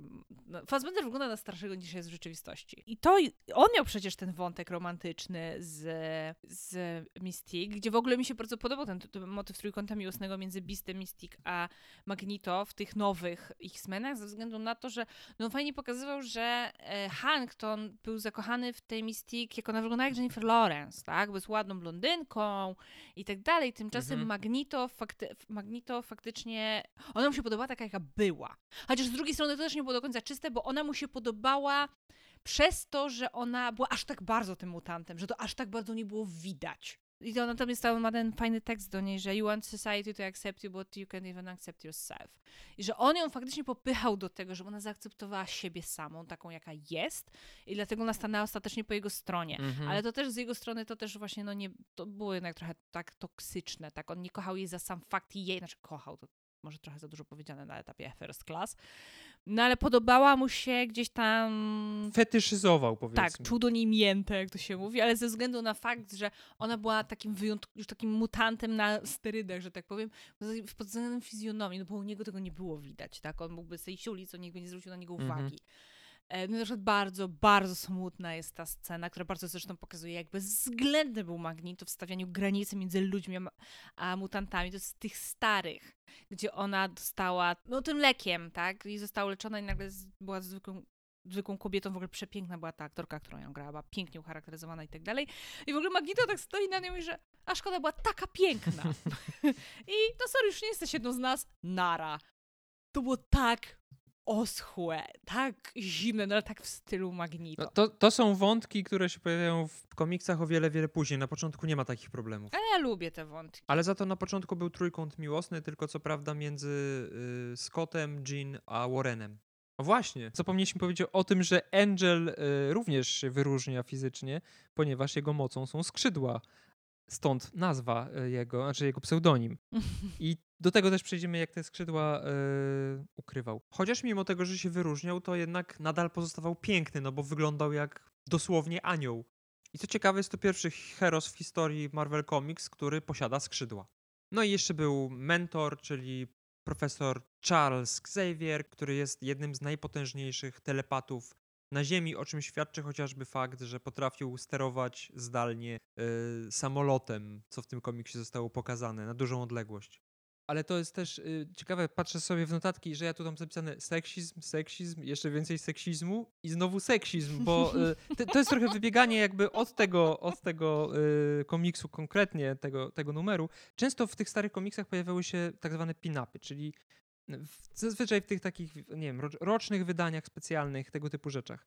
I tam miałaś obrazki z różnymi, z, oczywiście z głównymi bohaterami, ale też na przykład z ich przeciwnikami. No i na jednym z takich pin-upów, nie wiem czy nie w jakimś X-Men Annual czy coś takiego, wszyscy członkowie męscy X-Men byli narysowani e, prezentując swoje moce w, w jakiejś walce, no robiąc jakieś takie naprawdę fajne rzeczy, powiedzmy, a Jean Grey wykorzystywała swoją moc po to, żeby podnieść mebel i odkurzyć pod tym meblem. O nie, o Boże, nie, Więc z jednej Jezu, strony rzeczywiście, rzeczywiście jest to postać bardzo, w porównaniu na przykład z Wasp, bardzo wyemancypowana, ale jednak pojawiają się takie momenty, w którym Ale wciąż widać, jednak. że tak, tak, niestety. No, lata 60. No ale też jest ciekawe w tej scenie, gdzie tam oni ją widzą po raz pierwszy przez okno i mówią mmm, cycunie i tak dalej, to nie wiem, czy zwróciłaś uwagę, ale Iceman, Iceman jest jedyną osobą, jedynym z tych chłopców, który nie biegnie tego okna z wywalonym jęzorem.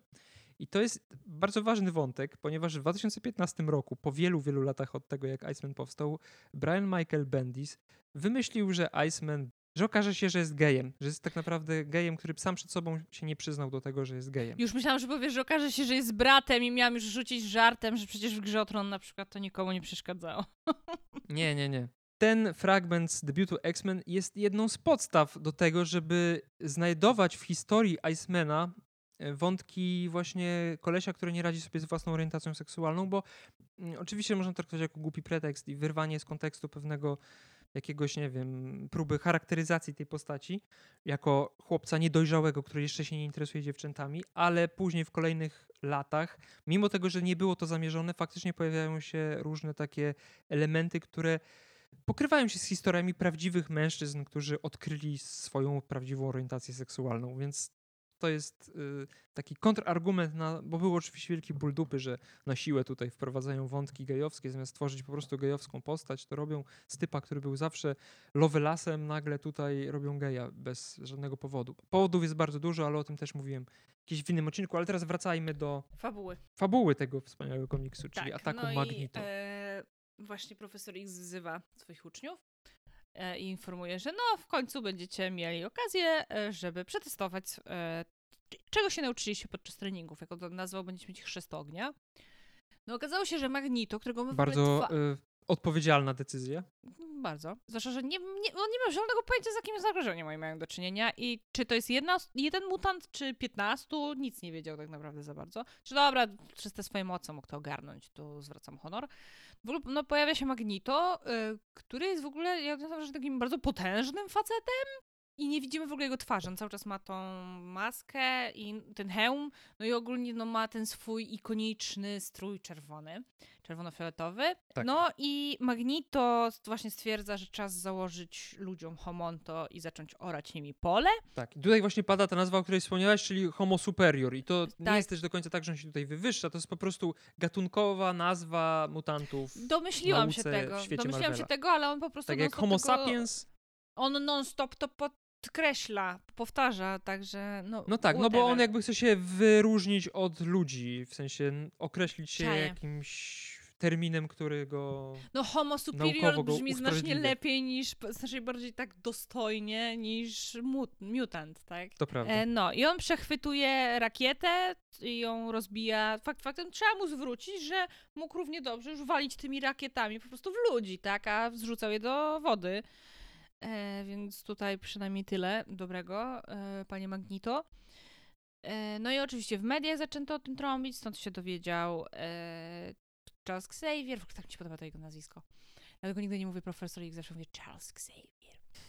I Magnito zaatakował jednostkę wojskową i tutaj przechodzimy do mojego ulubionego elementu, który od razu wiedziałam, że zestawię z filmem.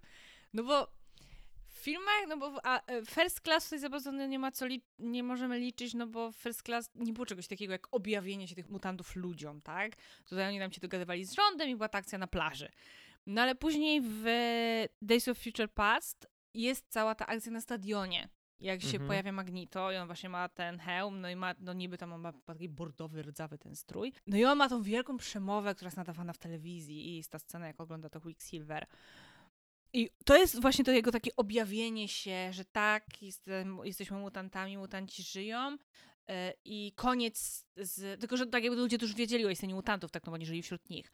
Dlatego takie, tak, mamy takie moce i jesteśmy w stanie nad wami zapanować, i że koniec kurna tego, że wy będziecie nas traktować jak gorszy sort, że teraz nasta, na, nadszedł nas czas.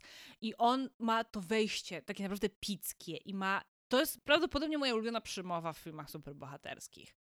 Jak ona mówi, że jest bardzo dużo smutnej prawdy w jego słowach. Tak mówi, że e, you build these weapons to destroy us because we are different.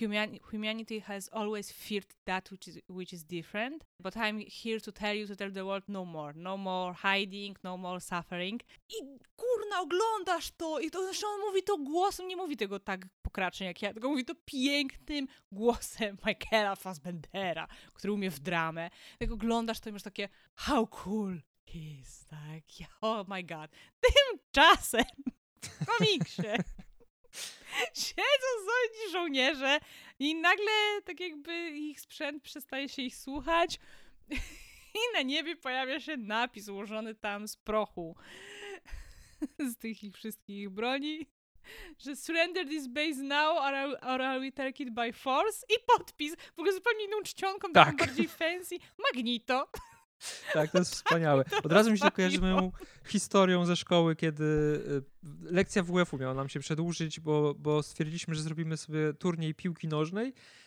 i poprosiliśmy pana od WF-u, czy nam napisze usprawiedliwienie z, chyba z polskiego, czy z czegoś, Y, bo nie chcieliśmy za bardzo też przy okazji tam iść, oprócz tego, że chcieliśmy grać w piłkę. No i on nam napisał to usprawiedliwienie, my je zanieśliśmy nie widząc tego usprawiedliwienia, dajemy kolesiowi z poważną, z poważnymi minami, mówimy, że chcemy się zwolnić, ponieważ mamy ten turniej piłki nożnej i mamy to usprawiedliwienie od, od pana WF-u, a on tak patrzy na nas jak na debili, bo spojrzał w tą karteczkę i mówi, nie, nie pójdziecie. A mówimy, no ale jak, no przecież dostaliśmy usprawiedliwienie. On mówi, tak, sami sobie napisaliście, my patrzymy na karteczce, jest napisane, proszę zwolnić moich uczniów, SOR. tak się podpisał, więc bardzo mi się to kojarzy z tym. SOR? A co to znaczy SOR? No skrót od profesor. Bo my tak mówiliśmy. O Jezu. Mówiliśmy tak e, sorze, sorze zamiast proszę pana. I tak na wszystkich mówiliśmy, a on chyba myślał, że tylko na niego i on tak się podpisał myśląc, że każdy nauczyciel wie, że chodzi o niego. I... A wyglądało to tak, jakbyśmy sami sobie to napisali, nie? O ma... Więc tak samo podpisał się Magnito, no bo skąd ci żołnierze mają wiedzieć, to jest Magnito, jak wcześniej nigdy jakby nie mieli z nim styczności. No ale, no i okej, okay, no, ale w ogóle abstrahując od tego, sam fakt, że się podpisał. Nie, tak, tak, to jest przepiękne, to jest wspaniałe, to jest mój ulubiony moment w tym komiksie, to prawda. Tutaj tak. wcześniej jest ten, ten akt terroru, te, te zastraszanie tych żołnierzy ich własną bronią i nagle kurwa coś takiego. I taki, co to jest Magnito? Kto to jest Magnito? I on nagle wchodzi i to, to jego wejście jest fajne, bo on idzie tak jakby oni totalnie nie mogą go tknąć, bo ich e, e, broń przestaje działać, zresztą on używa tego pola elektromagnetycznego.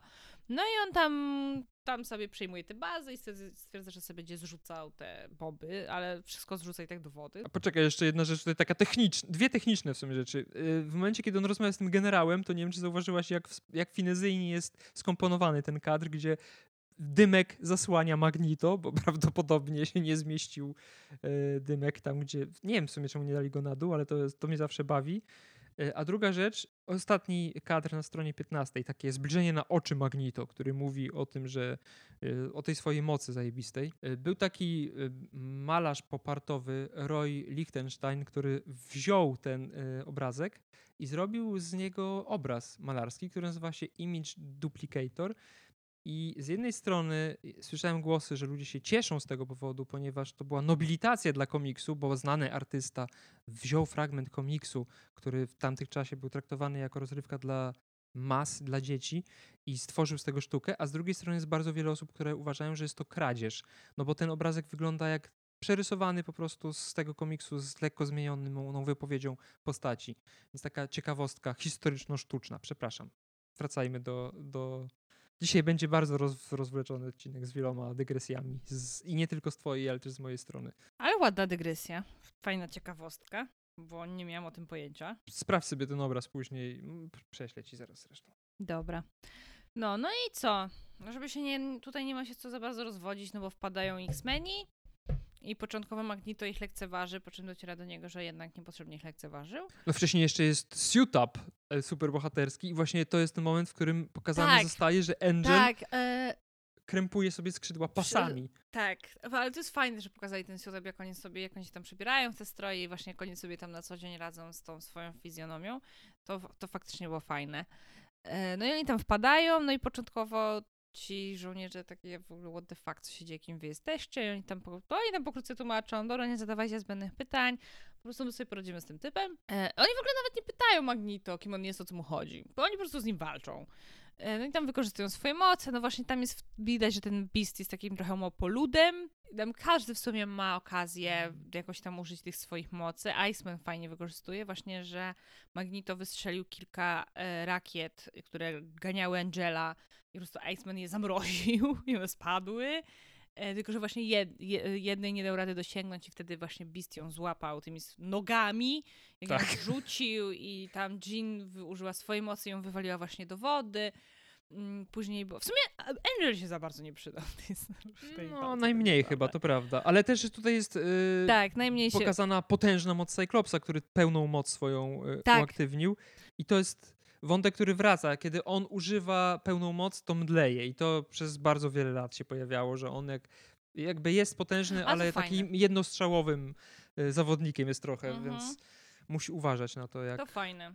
Ten wątek mi się podoba. W późniejszych komiksach zazwyczaj właśnie jakby jest, jest silny akcent na to, że oni trenują jak być zespołem i jak wykorzystywać swoje moce w jak najbardziej efektywny sposób. I to jest też fajne, bo na przykład w Avengers do końca tego nie ma, bo wszyscy tam są jednak tak dużymi graczami, że każdy powiedzieć... gra do własnej bramki, a tutaj jednak jest drużynowa. Właśnie miałam to powiedzieć, że jedyne chyba takie przybłyski u Avengersów, e, jakiejś tam współpracy, to był Thor i Cap. Mieli ten swój moment, jak Thor walił młotem w tarczę Kapa. Mhm. To więc to gdzieś tam było wykorzystywane. Na tak to. A, oni gdzieś tam zalążek tego był na początku Civil War gdzie był cały ten gaz w tym budynku w Nigerii i e, oni Wandę właśnie tam, Wanda w, e, używa tych swoich mocy, żeby to wyciągnąć i ona tam wrzucała kapa i sama tą swoją mocą do tego budynku tak, tak. i on tam zresztą właśnie mówi, że Wanda tak jak ćwiczyliśmy, czyli że oni faktycznie, o, e, jak oni trenowali tą Wandę, to nie tylko na zasadzie, żeby ona jakoś tam w miarę ogarniała te swoje moce, ale też jak wykorzystywać tej moce do takiego teamworku. Więc tutaj gdzieś jakiś ten zalążek był, ale no to później kompletnie przepadło. Nie no, wiadomo, że zawsze gdzieś tam w tych komiksach zawsze jednak Avengers pojawia się taki, t- taka praca zespołowa, ale nie jest to nigdy tak silnie zaakcentowane jak w przypadku X-Men, gdzie oni faktycznie ciągle jakby trenują jako drużyna. A y, tak naprawdę w Avengers to najczęściej to trenuje sam Kapitan Ameryka i Kapitan Ameryka trenuje innych superbohaterów. No, ale wracając do historii. No, no i w końcu Magneto rzu- y, rzucił na nich, to był dobrze pamiętam, kontener z e, paliwem rakietowym? Tak, tak, tak, tak. Płonący. No i tak, no i to wybuchło, no i on był święcie przekonany, że oni nie mieli prawa tego przeżyć, po czym się okazało właśnie, że Scott, bo dla mnie to będzie Scott Summers, e, użył swojej mocy e, tego, tego, laseru, żeby wykopać im tak jakby dziurę pod nimi. E, dzięki czemu przeżyli, no i on właśnie wtedy tam omdlał i e, Magneto zwiał. E, I on w ogóle Magneto rzucił takim tekstem, właśnie jak on tam ich przyatakował już tym paliwem, że nie wszyscy mutan mutanci są godni e, tego, żeby e, władać ludzkością. Coś ten desen, że no sorry, no muszę was zabić. Tak, no bo on jakby stwierdził, że skoro nie są z nim, to są przeciwko nie, niemu. No tak jak Cersei Lannister zawsze twierdziła, ci co nie są nami, są przeciwko nam. No, no w filmach trochę, nie wiem jak to jest później w komiksach, no ale w filmach jednak ten Magneto Wychodzi z takiego trochę założenia jak Voldemort podczas bitwy o Hogwart, tak? Że każda kropla krwi czarodziejów to olbrzymia strata. Że, w komiksach no, jest bardzo podobnie. Że Magneto no, nie lubił zabijania innych mutantów, tak? No bo to wciąż byli mutanci. On walczył właśnie nie za siebie, tylko za dobro mutantów. Ja bardzo lubię scenę i to jest, to jest, są, tak, to są zdecydowanie te stare e, X-meny, gdzie jeden, nie pamiętam, który to był, jeden z tych uczniaków, którzy przeszli na stronę Magnito. Nie pamiętam, który to był. On był jakąś tam postacią dosyć taką wyrazistą w filmach, ale nie pamiętam. A nie Iceman właśnie? A Ma Iceman szedł na stronę Magnito? A może nie? Nie wiem, nie pamiętam. Faktycznie, ale faktycznie on i daje laski po stronę. Nie pamiętam, nie, to jest stare, muszę sobie przypomnieć. Ale nie, to raczej nie był Iceman, bo Iceman chyba nie masz takim dupkiem. Nie pamiętam, Boże, whatever, przypomnę sobie, e, odświeżę to sobie. No mniejsza o to, ale jeden z tych uczniaków, którzy... Nie, to był jeden z takich wrednych. A Iceman nie był wredny aż tak. Że on przeszedł nas. Pyro? Tak, Pyro, tak, tak, tak, to był Pyro. Pyro. Tak, tak, zdecydowanie Pyro. Mm, I on właśnie w rozmowie z Magnito chyba tam próbował się pod, popisać przed Magnito, tam mu się podlizać i coś tam w jakiś sposób obraził Xaviera. I Magnito się wtedy wkurwił. I on powiedział, że e, taki będą, okej, okay, e, Xavier jest jego przeciwnikiem, ale żaden, żaden mutant nigdy nie zrobił tyle dla mutantów, co Charles Xavier i masz go uwaszanować. To mi się bardzo podobało. Nie, no w komiksach też to się pojawia, ale znacznie później, więc na razie przez te pierwsze kilkadziesiąt numerów Magnito był takim raczej typowym czarnym charakterem, mimo tego, co mówili o nim Stanley i Jack Kirby. Ja wciąż uważam, że on jest czarnym Więc... charakterem, ale no cóż.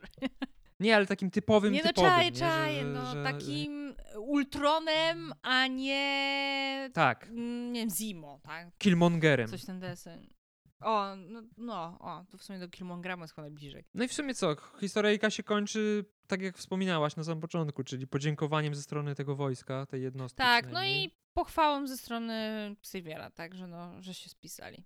No i pada kultowe To me my X-Men, które stało się takim catchphrase'em y, X-Men. Nie wiem, czy to w filmie się kiedykolwiek pojawiło, ale to jest Chyba nie. bardzo znany, znany, znana kwestia. No i jest taka, jest taka zapowiedź, tak, że no, to jest dopiero początek, że najlepsze dopiero przed nami. Ja się wtedy uśmiechnęłam. Wiem, że najlepsze dopiero przed nami, bo magnitum się dopiero rozkręca. To prawda. Więc uwielbiam tę postać, uwielbiam no. No i tak się kończy ta historia. Nie wiem, jak ci się podoba to w kontekście tych innych originów. Bardzo mi się podoba. Na przykład w kontekście originu Avengers. No wiele bardziej mi się podoba ten origin. Bo to jest też jeden z moich y, ulubionych originów takich drużynowych, ale no mam pewne zastrzeżenia, bo ta historia przez to, że ja też czytałem ten komiks po raz pierwszy z pewną wiedzą już, co się dalej wydarzy, no to właśnie miałem takie... Widziałem te dziury logiczne, mm -hmm. które tutaj są, nie? I, I z tym mam problem, ale jakby abstrahując od tego i wcielając się w takiego czytelnika z lat 60., no to jestem w stanie sobie wyobrazić, że to faktycznie mogło robić duże wrażenie i było to coś naprawdę świeżego i coś pomysłowego.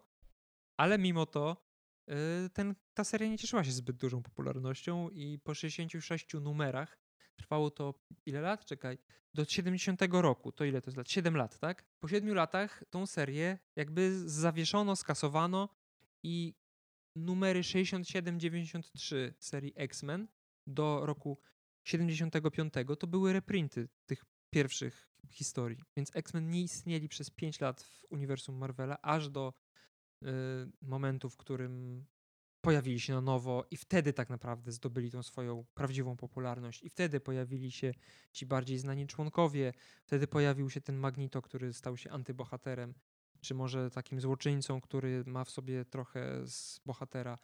E, I wtedy zaczęło się robić naprawdę interesująco. Ale naprawdę, ja czytałem ten pierwszy, jakby, no może to nie jest ran, ale tą pierwszą oryginalną serię i nie jest to zbyt dobre, mimo tego bardzo obiecującego początku. Więc to jest taki paradoks, że najpopularniejsza seria się nie cieszyła na początku popularnością. No słuchaj, e, Znachor z lat 80. został początkowo zjechany przez ludzi, także... Ciekawe. No tak samo teraz przecież prequele Star Warsów, e, to one są coraz bardziej lubiane. No, nikt nie twierdzi nagle, że to są dobre filmy, ale jednak są wspominane już tak bardziej nostalgicznie e, niż o, co za gówno. Dużo pewnie zrobiły to filmy Disneya, które pokazały, że da się gorzej, ale dobra, nie. No i też dużo zrobiło to, że pojawiło się pokolenie, które wychowało się na Tak. tych filmach, które, No i dla ja- których to były tak, pierwsze tak. Gwiezdne Wojny. No i teraz wiesz, te powroty y, Hayden Christensen w roli Anakina, gdzie nagle się okazuje, że to nie on był problemem, tak? Że on potrafi zagrać spoko tego Anakina y, w momencie, kiedy to nie Lucas nim steruje. Ale tak jakby whatever. Co do X-Menów jeszcze, to y, zastanawia mnie jedna rzecz, no bo X-Men są popularniejsi niż Avengers, prawda? Znaczy, no, dobra, teraz No. trudno tak stwierdzić ze względu na MCU. To Avengers są, się głównie kojarzą z drużyną superbohaterską, nie oszukujmy się, jak ktoś słyszy superbohaterowie, to ma przed oczami Avengersów. Ale ogólnie to X-Meni byli popularniejsi od Avengersów, prawda? Czy to była jakaś taka moja bańka tego, że ja jako dziecko faktycznie kojarzyłam, oglądałam X-Menów, a Avengersów to nie wiedziałam, że coś takiego istnieje. Różnie. To w sumie zależało od y, ery i dekady, ale generalnie tak, X-Men byli bardziej popularni i poza Spider-Manem to był jeden z popularniejszych tytułów Marvela w ogóle. No oczywiście do tego przyłożyła się też ta animacja z lat 90. i gry, które w tym czasie się pojawiały na różne platformy, ale no, no prawda jest taka, że ta drużyna y, jest, szczególnie ta w czasach Chrisa Claremonta, który przejął tą serię w latach 80., no to jest, to się, to, to się czyta jak y, dobry serial, taki, taką operę mydlaną połączoną z y, przygodami superbohaterów, więc z tego powodu moim zdaniem, to, dlatego tego to był sukces. To były prawdziwe postacie, każda z tych postaci miała swój charakter i on był bardzo taki wyrazisty, te postacie się lubiło. Y, To były często dość przyziemne rzeczy, mimo całego absurdu y, science fiction, który dział się dookoła ale też przede wszystkim ważny pod względem takim metaforycznym i y, przesłania po prostu. No, to, to prawda jest taka, że już o tym mówiliśmy chyba, więcej osób się utożsami z odrzutkami z X-Men niż z gwiazdorami z Avengers. I to też jest chyba część tego sukcesu. Ale no, naprawdę uważam, że Uncanny X-Men Chrisa Claremonta to jest coś, jedna z najlepszych rzeczy, jaka powstała w, w ogóle w Marvelu, więc nie bez powodu właśnie X-Men cieszyli się taką popularnością. No nie bez powodu Fox to ich właśnie kupił od Marvela, no. No właśnie. E, No, tak jak wspomnieliśmy, ten e, zeszyt jest debiutem bardzo wielu postaci i nie tylko postaci, bo oprócz głównych bohaterów ich przeciwnika zadebiutowały też takie rzeczy jak tutaj nie nazwane do końca, ale kojarzysz Danger Room? Tą salę, w której X-Men trenują. Tutaj to jest taka, taki zalążek tego, co w przyszłości się pojawi, ale jest, są pewne takie elementy już tego Danger Roomu, który jest stałym elementem y, mitologii X-Men. Y, w ogóle cała posiadłość, X-Mansion tak zwane, czyli w ogóle szkoła, która się w tej posiadłości mieści, która przez wiele lat nazywała się Xavier School for Gifted Youngsters. Y, Tutaj też nie nazwana, ale też po raz pierwszy się pojawia. No i też jest ciekawa jedna sprawa, że y, to jest jedna z nielicznych serii, która nie dzieje się w, stricte w Nowym, Jorku. Y, Tylko, to, to też nie zostało to powiedziane, ale posiadłość Xaviera mieści się w Westchester County, a dokładnie w mieście. To jest wspomniane. Jest wspomniane, to tak? jest wspomniane w komiksie. Okej, dobra, ale to, że to jest North Salem, to już nie jest wspomniane, że tak się nazywa to miasto, w którym znajduje się ta posiadłość. No to nie, E, to nie. Tego nie wspomnieli, tak, więc y, to, to, to jest y, unikatowe, no bo wie, jakby Marvel z tego słynął, że tak to Stan Lee reklamą. Wyglądasz za okno i w sensie czytasz ten komiks i to jest tak jakbyś wyjrzał za okno i za oknem Spider-Man przylatuje.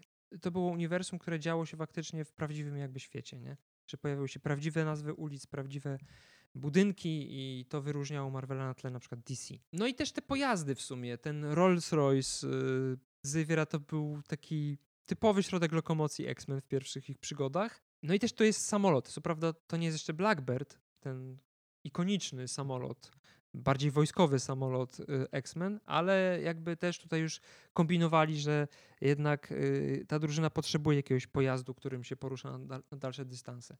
No i tak jak wspomniałem, ta historia była wielokrotnie w późniejszych latach retkonowana, bo młodość Xaviera całkowicie zmieniono, w sensie jego przeszłość. Dodano właśnie tą relację Mag z Magneto, która trwała wiele, wiele lat przed w ogóle założeniem X-Men. Przede wszystkim dodano genezy poszczególnych członków X-Men, bo tak naprawdę ten komiks niby jest genezą, ale tak naprawdę to jest debiut, a nie prawdziwa geneza, taka typowa. No i chyba tyle, no więcej nie ma co, co gadać, tak już bardzo dużo w tym odcinku gadaliśmy. Nie spodziewałem się, że będzie aż tak długi. Y, Tym kończymy naszą fazę pierwszą. Ja też nie, ale przypominam, że pierwsze pół godziny gadaliśmy totalnie. Tak, o, o czym innym. No, X-Men to jest po prostu ponadczasowa rzecz, uniwersalna. To jest metafora mniejszości, która dostosowuje się tak naprawdę do potrzeb epoki, w której rozgrywają się konkretne przygody X-Men, bo tak jak na początku wspomnieliśmy, na początku to się odnosi, mimo tego, że to jest paradoksalne, bo tu nie ma ża- żadnego osobnika o innym kolorze skóry niż biały, to jest to jednak jakaś tam metafora walki y, osób czarnoskórych o równe prawa w USA. Później w latach 90. to stała się metafora walki y, osób LGBT o równe prawa. Teraz to jest w sumie taki wór, do którego można wrzucić każdą mniejszość i teraz już to nie jest tak skonkretyzowane, ale nadal jakby bliskie mojemu serduszku, bo jakby ja też chyba najbardziej właśnie z X-Men utożsamiałem, być może z tego powodu ich e, najbardziej lubiłem, no bo jakoś nigdy nie czułem się zbytnio częścią społeczeństwa, więc rozumiałem trochę ten klimat, który panował w tej serii. I to jest chyba kolejny, kolejna cecha X-Men, za którą, przez którą lubię tę tą drużynę. No, nie wiem, coś jeszcze chcesz? Jakiś komentarz własny? No chyba Myślenia? nie. My też i tak myślę, że na e, przestrzeni różnych odcinków my już sporo Tak, gadaliśmy tak, w sumie o To prawda, tak to prawda. Chociaż cały czas mi brakuje, że tych Na mutantów jest, Magnito. mutantów jest mało. Tak, w tym roku był Magneto, ale tych mutantów jest mało w naszym podcaście i mam nadzieję, że w przyszłości to się jakoś zmieni. No, a, a z tymi debiutami, latami 60., urodzinami y, 60. powoli kończymy. Prawdopodobnie w tym roku pojawi się jeszcze jeden taki odcinek, ale to już nie będzie y, w najbliższej przyszłości, tylko raczej pod koniec roku. Więc teraz skupimy się na trochę innych tematach. Dokładnie. No, zapraszamy na nasze media społecznościowe, gdzie możecie pisać. Dajcie znać, którego członka X-Men najbardziej lubicie. I dlaczego? A Znaczy, dobra, no mo- może nie tylko członka X-Men, w ogóle postać związaną z X-Menami. Tak, możecie pisać Magnito, bo powinniście pisać Magnito. A tych postaci jest bardzo, bardzo dużo. Więc macie z czego wybierać. I know, ale Magnito to Magnito. Nie, no, nie, nie, to nie żebym narzucała swoje gusta, ale tak jakby no wiemy wszyscy, że Magnito to Magnito. No i w sumie co? Do usłyszenia. Dokładnie, pozdro 616. Tyle gadaliśmy, że już mi słów brakuje. Pozdro 616, papa.